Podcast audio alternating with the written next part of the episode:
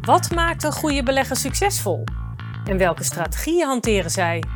U luistert naar de Gek op Beleggen podcast van Wink. In deze podcast luistert u mee met succesvolle beleggers en de keuzes die zij maken op de beurs. Vanuit onze Bink-studio hoort u Peter Six.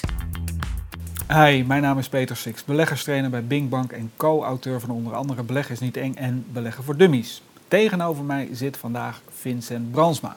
Vincent, welkom. Leuk dat je er bent. Nou, dankjewel. Ik vind het leuk om hier te zijn. Ja, je bent jong, je bent net 19 geworden, je bent econometrie-student en al enige tijd belegger. Nou, ik heb je uitgenodigd omdat ik benieuwd ben naar hoe jij als jongere omgaat met beleggen. Het gaat vandaag dus over beleggen voor en door jongeren. Maar voordat we losbarsten, eerst even dit. Deze podcast is bedoeld ter inspiratie en educatie. Binkbank geeft geen beleggingsadvies. Beleggen kent risico's, uw inleg kan minder waard worden. Vincent, voordat we nou echt gaan beginnen, leg ik je een paar stellingen voor en je moet gewoon eentje kiezen. Uh, actief of passief beleggen? Uh, passief. Passief beleggen. Tesla of Shell? Tesla. Een luier of een doevakantie? Een doevakantie. En, en wat is dan de doelactiviteit? Nou, op safari gaan in Kruger National Park. Wauw. Ik snap dat je dan kiest voor de, voor de doelvakantie. En beleg je alleen in Nederland of beleg je over de hele wereld? Uh, over de hele wereld. Oké. Maar dan toch nog even terug naar actief of passief. Want je zei daar passief. Nou hebben we samen even naar je portefeuille gekeken. En ik, ik vraag me af of het echt een passieve portefeuille is. Waarom zeg je passief? Nou, ik zeg passief omdat ik vooral mijn studie is heel druk. Ik studeer uh, econometrie. Dus het is gewoon dat ik niet elke dag tijd heb om naar mijn portfolio te kijken. Ook al doe ik het natuurlijk het liefste wel. En daarom zie ik dus dat ik vind actief een stuk leuker. Dus ik, ik trade dan ook actief door middel van swing traden. Ja. Maar het is dan wel zo dat grotendeels heb ik gewoon een lange termijn portfolio uh, wat ik passief doe. Ja, ja, maar dus eigenlijk maak je wel een onderscheid. Dan is de, de lange termijn portfolio, dat wil je passief doen. Dat betekent dat je weinig muteert daarin. Ja. En het actieve gedeelte, dat, dat doe je soms ook erbij als het tijd is. Ja, precies. Ja?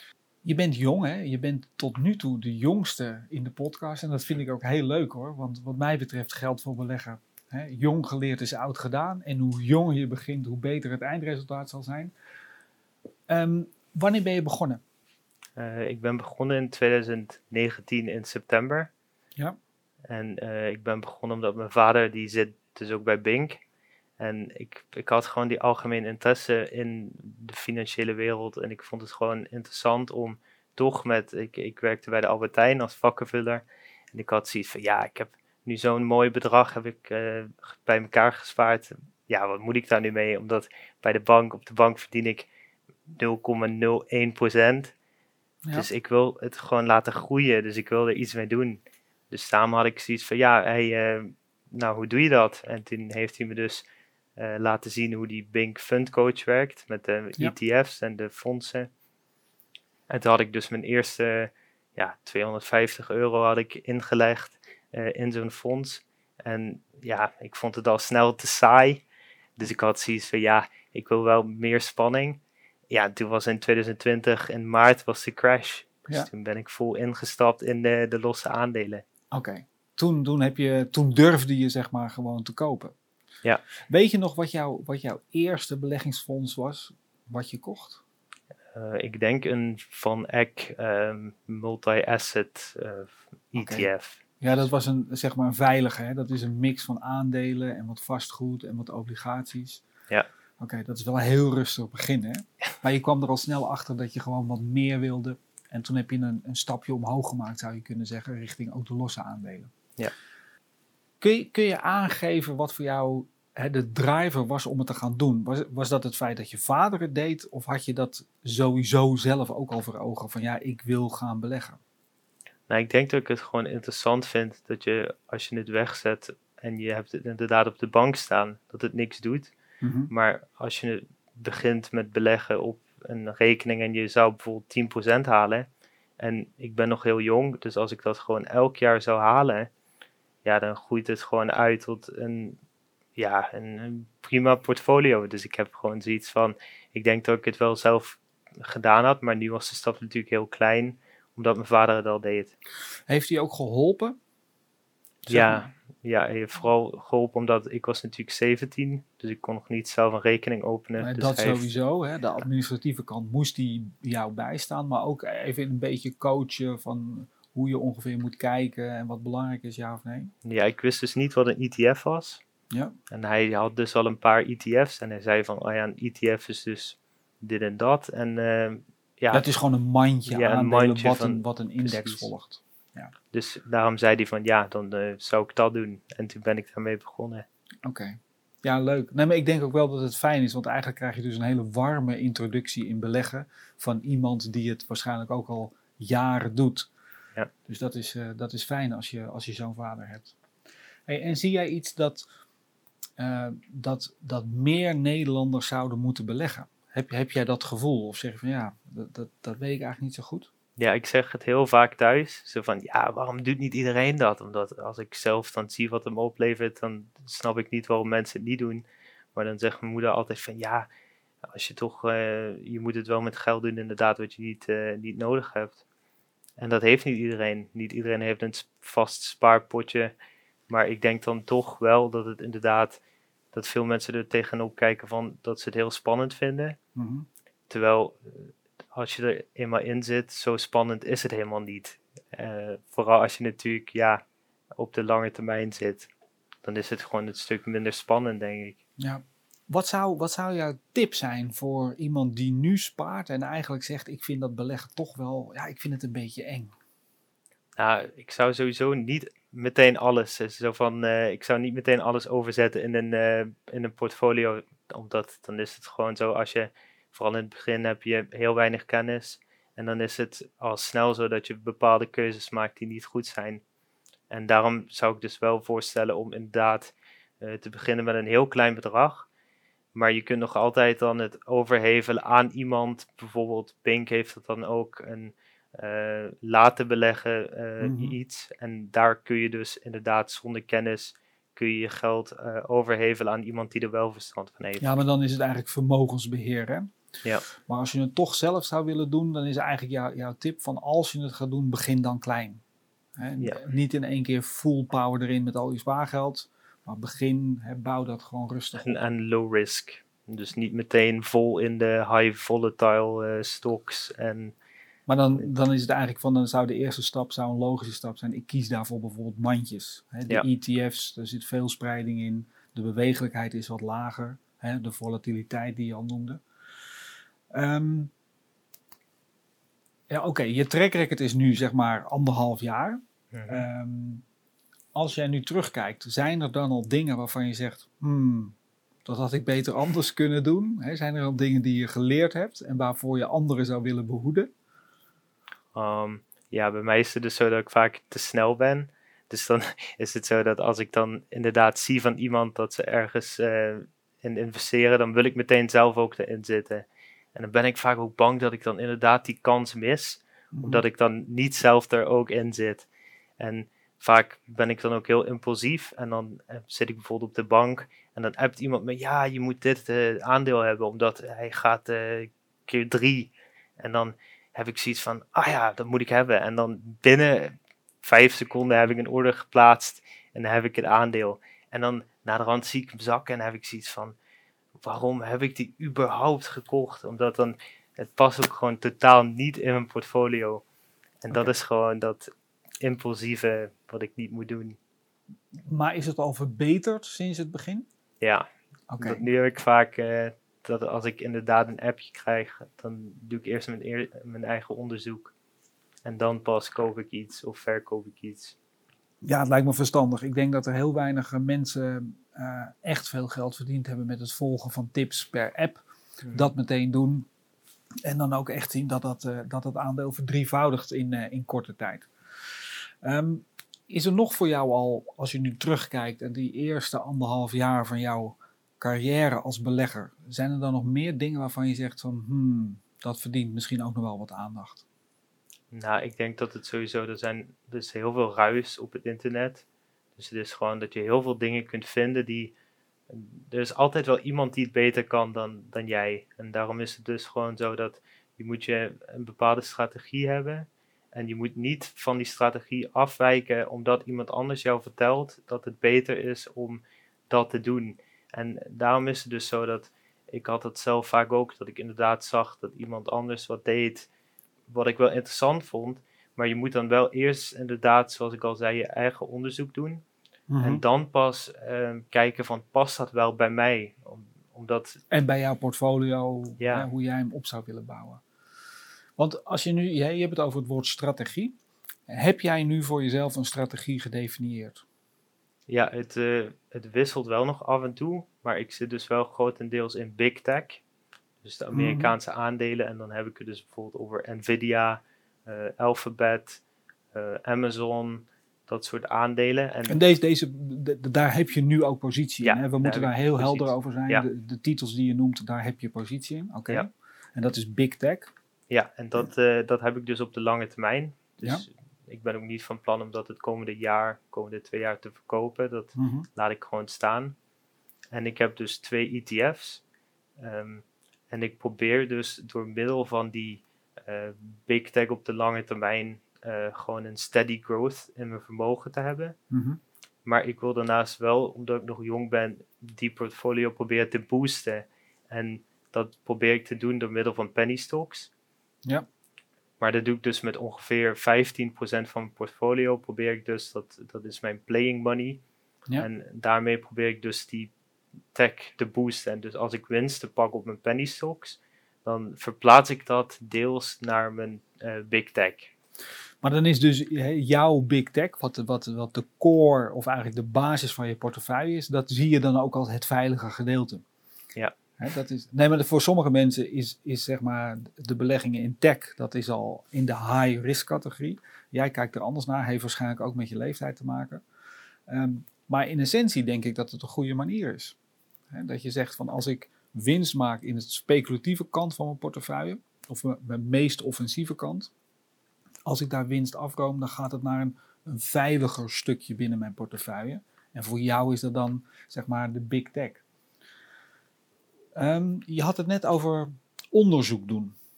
Want vroeger had je het appje van een vriend of een vriendin, dit moet je hebben. Dit had je blind gekocht. Nu heb je het over onderzoek. Wat, hoe, hoe moet ik dat voor me zien, zo'n onderzoek? Nou, het is dus sowieso dat eh, ik heb laatst een groupchat aangemaakt voor al mijn UvA-studenten. En daar zitten ongeveer 230 mensen in. En dat is natuurlijk, ja, je ziet daar heel veel dingen in die van, ja, iedereen is nog jong, dus nog nieuw. Dus vaak zie ik daar dan dingen voorbij komen en dan begin ik dus mijn onderzoekstuk. Dan ga ik dus naar, eh, dan zoek ik sowieso de stok op. Dan kijk ik eens even naar gewoon, ja, de basics, dus even naar de prijs en dat soort dingen. Maar eh, ik ga dan meteen naar de, de website van het bedrijf, kijk ik naar de financial projections. Ja. Ehm, naar sowieso wat, wat heeft het bedrijf voor een, voor een ehm, inkomsten, dat soort dingen. En dan bepaal ik dus op basis daarvan ehm, of ik dus inderdaad dat aandeel ga kopen of niet. Maar dan ben je dus ook in staat om die, hè, die financiële cijfers te lezen, te begrijpen en te interpreteren.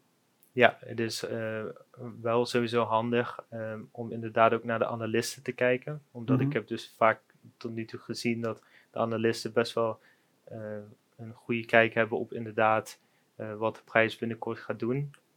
Dus ik denk dat dat raad ik wel aan om ook eens te kijken naar hoeveel analisten zijn er en wat hebben de analisten te vertellen. Ja, er wordt vaak de vergelijking gemaakt tussen de, hè, de slimme analist aan de ene kant en een, en een aap die een dartpijl eh, zeg maar op de, de koersenpagina in de krant gooit.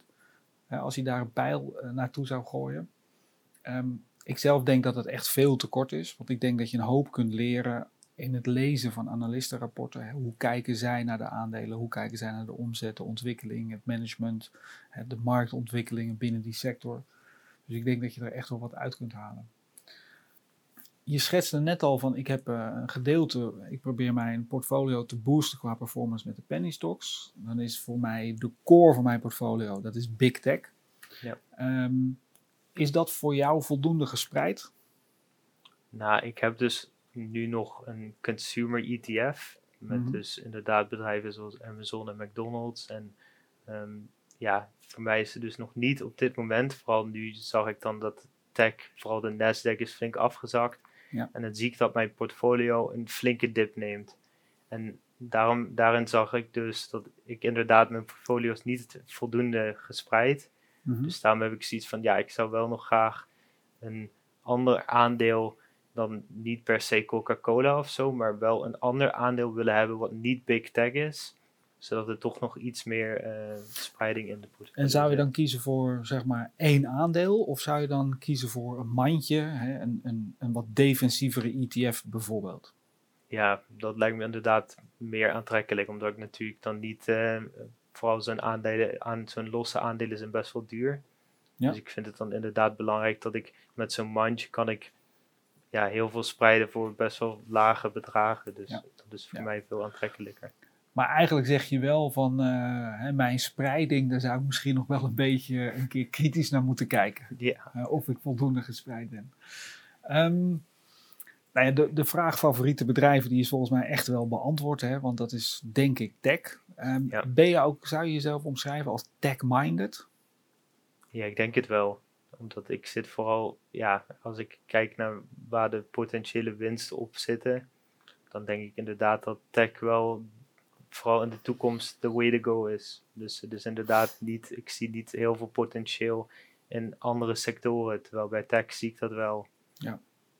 Nou ja, de, laatste jaren heb je natuurlijk gelijk gehad. En als je kijkt naar projecties over de, zeg maar, het digitale bestanddeel van het, eh, het BNP, dan zie je dat technologie in, in brede zin, ja, dat gaat gewoon toenemen.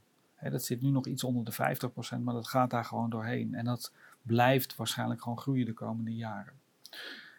Hey, derivaten, gebruik je derivaten? Ik zit nu in turbo's, Ja? ehm, maar ik ben pas nieuw bij turbo's. Ik, eh, ik heb ook nog nooit eh, eh, opties gehad. Mhm. Ehm, maar ik vind turbo's wel inderdaad interessant. Vooral omdat nu tech zo laag staat. En dan door middel van die stop-loss is het best wel aantrekkelijk om inderdaad met die hefboom dan de hoge winsten te halen op de tech. Mhm. Maar wat natuurlijk wel zo is, is dat zodra die de stop-loss bereikt, ben je gewoon bijna alles kwijt. Ja. En dat is natuurlijk bij een los aandeel niet zo. En dat is dus natuurlijk het risico op turbo's. Nee, maar ik, ik hoor dat je goed ziet dat er mm, upside in zit vanwege de hefboom. Maar tegelijkertijd heb je ook de downside. Als je uitgestopt wordt in die turbo, en dan kan er een groot gedeelte van je inleg kan gewoon eh, verloren gaan. Dus Ja. ik, ik denk ook dat je ze met mate gebruikt. Ja, dat, eh, dat denk ik zelf ook. Hey, en durf je al na anderhalf jaar te zeggen dat je, dat je een specialiteit hebt? Nou, ik denk het niet. Ja, ik, ik ben wel beter, denk ik, eh, georiënteerd dan andere mensen. Maar als je ziet wat, wat het allemaal nog te bieden heeft, dan weet ik niet heel veel nog. Als je ziet hoeveel er nog kan, dan, dan niet. Gepaste bescheidenheid. Ja. ja. Nou, maar ik denk ook dat dat. Hè, ik, ik denk dat je, dat je er best al een goede kijk op hebt. Hè, zeker gezien je leeftijd. Maar tegelijkertijd moet je gewoon ook zo realistisch zijn dat hè, over beleggen en de financiële wereld. Het is natuurlijk heel groot, heel ruim. Er zijn meters boekenkasten over volgeschreven. Eh, en dat je nog niet alles weet, dat lijkt me niet meer dan, eh, dan evident. Ehm, durf jij te zeggen van jezelf dat je, dat je al een specialiteit hebt? Of zeg je van, nou nee, dat heb ik nog niet echt, maar als ik dat zou mogen kiezen, dan zou ik me meer willen, ontwikkeling, eh, willen ontwikkelen richting die kant of die kant of die kant? Nou, het is inderdaad wel zo dat ik vind dat. Ik heb nog niet echt een specialiteit, maar ik vind inderdaad wel de. Als ik dat zie nu, inderdaad door middel van die turbo's. Dan zou ik het inderdaad wel leuk vinden om meer te weten over daytraden en eh, hoe dat zit. Dus alleen zo dat nu natuurlijk qua tijd gezien eh, kan ik het niet.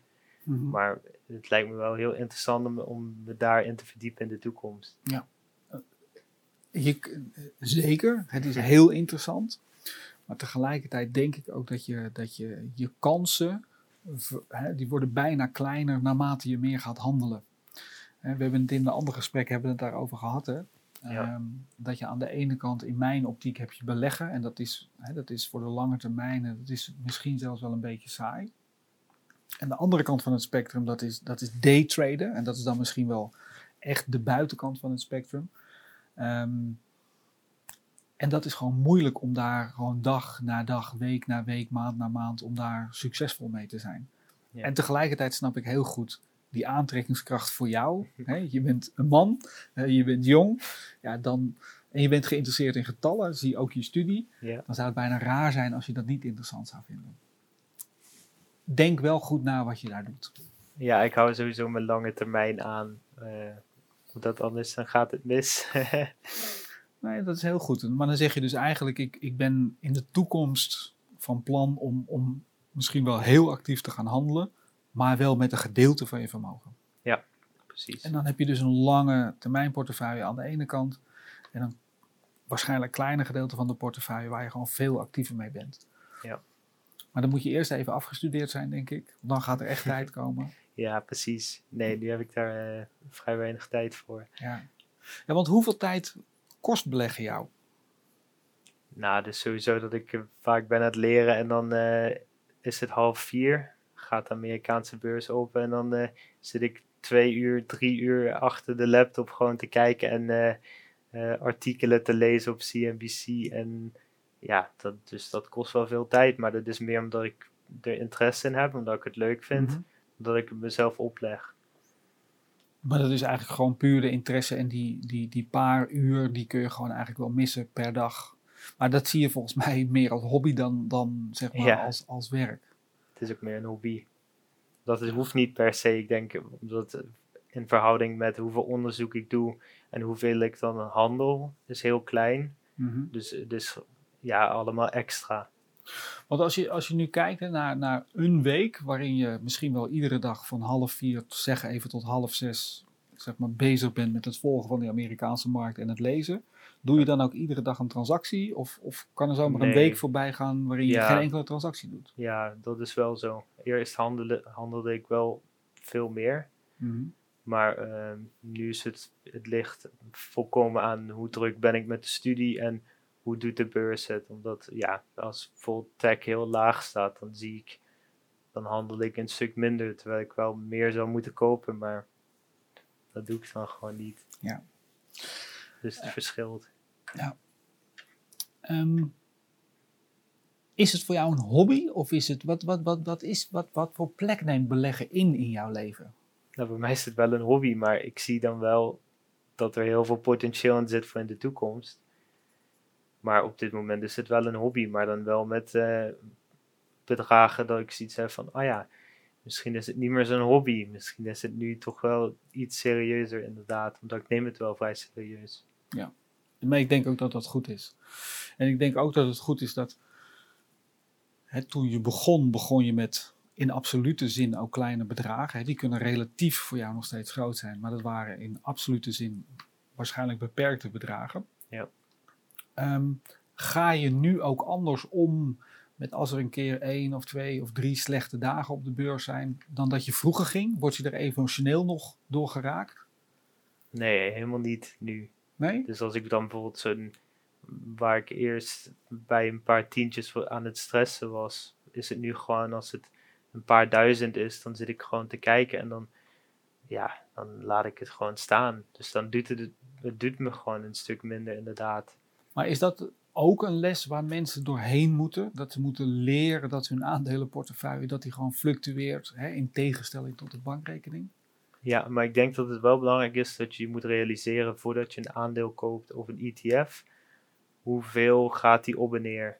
Dus bijvoorbeeld zo'n zo'n los aandeel, ja, dat kan best wel 10, 20 procent zakken, 30 procent soms, zelfs meer. Ja, als je daar niet tegen kunt, moet je dat van tevoren al weten dat je er zo op gaat reageren. Dus het is gewoon belangrijk dat je inderdaad wel kijkt van wat kan ik handelen. Ja. Ja, ik denk dat de praktijk leert dat mensen vaak denken dat ze meer kunnen handelen dan Ja. dat ze daadwerkelijk kunnen. En wat je natuurlijk wil vermijden is dat je bij een daling van 30% in paniek op de verkoopknop drukt. Dat was ongeveer de bodem en daarna begint het aandeel weer rustig op te lopen. Ja. Maar dan, dan heeft het dus ook wel voor jou gewerkt ehm, om rustig aan te beginnen en eigenlijk spelenderwijs om te leren gaan met winst en verlies? Ja, omdat dat vertel ik nu altijd als mensen zeggen van, ik heb heel vaak dat mensen vragen van, ja, hoe begin ik nu? Hoe, hoe doe ik dat? Mhm. Dan vertel ik ze inderdaad van, ja, ik zou in de ETF stappen of in de fondsen even kijken hoe, wat, wat doet dat nu? En hoe beweegt ja, die markt en, en wat doet dat allemaal? En dan pas overstappen op iets met meer eh, risico. Dus de bewegelijke losse aandelen bijvoorbeeld. Ja, precies. En dan zou daar nog een stap achter zijn. Dat zijn dan de hefbomeninstrumenten zoals opties of Ja, turbo's. precies. Nou, ik denk dat dat een goed advies is. Hè, voor Ja. de mensen. Dat je zegt, nou rustig beginnen. Begin met mandjes. En, en leer er gewoon kennis mee maken over hoe dat beweegt en fluctueert. Ja. Ehm, je zei net al van, ja, emotioneel raakt het me eigenlijk helemaal niet zo, dat beleggen. Ben je zo'n coole kikker of hoe, hoe werkt dat bij jou? Nee, ik weet niet hoe het zit, omdat nu, ik zeg vaak van ja, inderdaad, het, het raakt me niet. En dan zeg ik van, oh ja, dit is gewoon, het lijkt voor mij als een cijfertje wat op en neer gaat. Maar meer dan dat, voor mij zit er niet heel veel achter. Terwijl het is inderdaad, als het een, een paar duizend euro is, maar ik denk er dan niet over van, oh, met die paar duizend euro kan ik dit of dat kopen. Mhm. Maar dan denk ik gewoon van, oh, waar stond ik op? Waar sta ik nu op? En dan meer in een relatieve zin. En dan Ja. is het ook inderdaad zo dat het soms best veel is. Maar. Ik heb ooit eens een oude hoekman horen vertellen. Die moest dan nieuwe, nieuwe handelaren, nieuwe hoekmannen opleiden. En die zei dan: ehm, kijk ernaar alsof het knopen zijn. Want als jij bij 100 euro winst bijvoorbeeld dat gaat vertalen naar boodschappen doen bij de Albert Heijn. Hij zegt dan, dan, dan, dan is het gewoon te veel geld, zeg maar. Dan, dan ligt de nadruk op geld. En hij zegt, als je er naar kunt kijken alsof het knopen zijn, dan kun je er veel emotielozer mee omgaan. Ik vond het Ja. een mooi advies hoe hij, hoe hij dat deed. ja, Je zei het net in een bijzin. Hè, mensen vragen mij best wel vaak, eh, hoe zou ik moeten beginnen? He- heb jij het gevoel dat, dat beleggen, hè, en hoe dat dan ook vormgegeven wordt, maar dat beleggen bij jongeren meer leeft dan vroeger? ja, maar dat komt vooral doordat het nu een stuk makkelijker is om erover te praten en om, om ze ook zelf te handelen. Mhm. Dat, dat zie je bijvoorbeeld wel met Robinhood in Amerika of hier eh, met andere platformen. Dat het inderdaad een stuk makkelijker is om je telefoon te pakken. En binnen no time heb je een account, Mhm. kun je geld erop zetten en kun je zelf traden. Dus ik denk dat het inderdaad wel voor veel jongeren een stuk aantrekkelijker is nu. Maar heb je het gevoel dat ze binnenkomen vanwege de actieve kant, het traden? Of zijn de jongeren ook meer bezig met hun financiële toekomst die later is? Hè? En dan denk ik bijvoorbeeld aan, aan FIRE, Financially Independent Retire Early. Hè? Dat is een soort movement en die zegt eigenlijk, hè, ik wil zoveel mogelijk van mijn geld eh, zoveel mogelijk laten renderen, zodat ik, als ik 45 ben of 50 ben, dat ik dan gewoon kan stoppen met werken. nou ik denk vooral dat eerste. In het begin zien mensen vooral dan nu door zo'n GameStop hype. Denken mensen letterlijk van ik stop er een tientje in en ik haal er 10.000 uit. Mhm. En daarom is het dus zo dat vooral in het begin hebben mensen zoiets van ja, ik word snel rijk. Ik kan binnenkort kan ik een eh, nieuwe Louis Vuitton tas kopen als het ware. Mhm. Dus het is gewoon zo dat in die zin kijken mensen niet echt naar de toekomst, maar meer nu snel geld maken en dan uitstappen. Maar ik denk toch dat als mensen iets langer erin zitten, zien ze pas hoe moeilijk het is. En dan pas komen ze terug van hoe kan ik nu voor de toekomst een mooie portfolio opbouwen. Ja, ja. Dus je wordt eigenlijk aangetrokken door het snelle geld. En Ja. als je één keer een beetje door de wol geverfd bent, dan wordt je, hè, je de realiteitszin keer terug. En dan zie je ook wel de toegevoegde waarde van langere termijn beleggen. Ja, precies. Nou ja, als, kijk, als dat de route is die jongeren moeten lopen, nou prima. Ik denk dat het belangrijk is dat ze het gaan doen. En tegelijkertijd snap ik ook voor jongeren, weet je, een saaie portefeuille. Ja, dat, dat, ja, dat is niet Ja. echt aantrekkelijk. Maar dat zou wat mij betreft wel de basis moeten zijn. Je hebt net eigenlijk al een advies gegeven voor iemand die naar je toe komt van ik wil gaan beginnen met beleggen. Wat, wat zijn nog meer dingen die je meegeeft aan, aan iemand? Een vriend komt naar je toe en zegt Vincent, ik, ja, ik ben er nu klaar voor. Ik, eh, ik heb wat geld en eh, ja, ik wil gaan beginnen. Nou, sowieso de broker met ja, gekoppeld aan de kosten is heel belangrijk. Mhm. Dus hoeveel betaal je? En vaak zie je dat niet eens direct. Je ziet als je iets koopt, zie je van, oh, ik koop drie Apple aandelen. En dan koop je het en dan realiseer je niet dat je misschien een paar euro kosten betaalt. Mhm. En dan verkopen ze naderhand en denken ze van, yes, ik heb op een eh, hoge prijs verkocht. Ik heb winst. Maar dan zien ze vaak niet dat er nog eens kosten vanaf gaan. En daarom is het dus zo dat je in het begin moet je heel goed realiseren hoeveel kosten zijn er aan de transactie gekoppeld en aan het behoud van het account, aan het beheer. En daarom is het dus belangrijk dat je inderdaad eerst die, dat tarievenoverzicht eh eens doorleest. En dat geef ik ze dan ook mee, van kijk eens naar de verschillende brokers. Ja. En, wat En zijn dan de komt Bing natuurlijk altijd als beste uit de bus, toch? Ja, precies, zeker. Altijd Bink. Maar dus, eh, die- ik, ik denk dat je echt wel goede dingen hebt gezegd. Hè? Voor, voor mensen die, eh, jonge mensen die overwegen om te gaan beleggen. Hè? Gewoon niet met al je geld instappen. Ja. Stap in een mandje om te beginnen. Voel eens hoe dat beweegt. Let op de kosten. Zijn er nog meer dingen? Ehm, ja, sowieso dat, wat ik al zelf zei, dat niet impulsief handelen. eh, je niet over laten halen door anderen. En het is toch wel heel moeilijk om inderdaad, als je zelf een heel mooi rendement hebt gehaald en je ziet dan dat iemand anders veel beter eh, is, om dan niet inderdaad van die strategie af te wijken. Ehm, en daarnaast is het nog heel belangrijk inderdaad ehm, om je dan ook een, een doel te stellen voor, voordat je begint van ja, wat voor rendement wil ik halen, wat is realistisch, hoeveel Mhm. risico wil ik nemen. En dat is toch wel heel belangrijk. Ja. Wat, wat is jouw rendementsdoelstelling?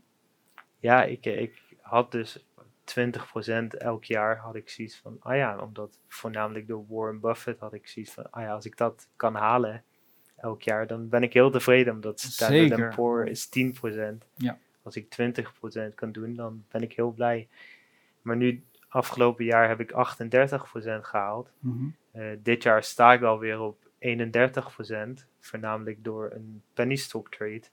En dan heb ik zoiets van, ah ja, dan moet ik dan nu me erbij neerleggen en zeggen van, ah, ik hoef niet meer, ik ben klaar.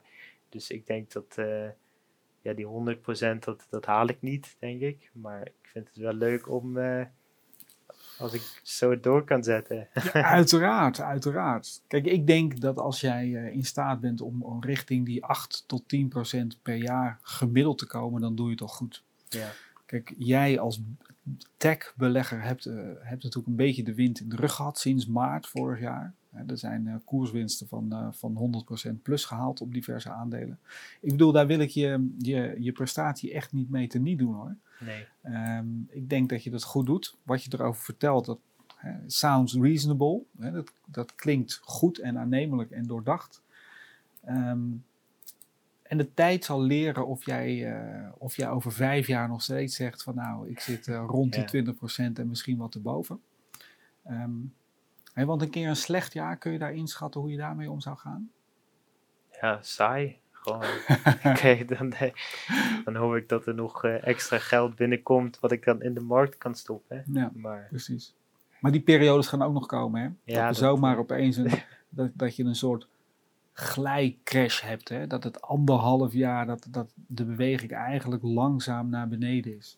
ja, Weet je? En dan, dan zitten er weinig upticks in. Weet je, dat gaat ook weer komen. Nu zien we dat niet voor ons, nee. maar dat gaat ook allemaal weer terugkomen. Ik eindig altijd het gesprek met de vraag of er, ehm, of er dingen zijn die ik wel had moeten vragen volgens jou. He- heb je iets gemist? Ja, in principe, altijd als ik zeg dat ik aandelen heb, zeggen mensen van, had je GameStop? Maar ik, eh, ik was te laat, dus dat is het enige waarvan ik zeg van, ah ja. Oh, ik had Normaal- GameStop misschien Ja. moeten vragen. Ja, ja. Nee, maar dat vraagt normaal iedereen en dan zeggen ze van, nou, had je GameStop aandelen?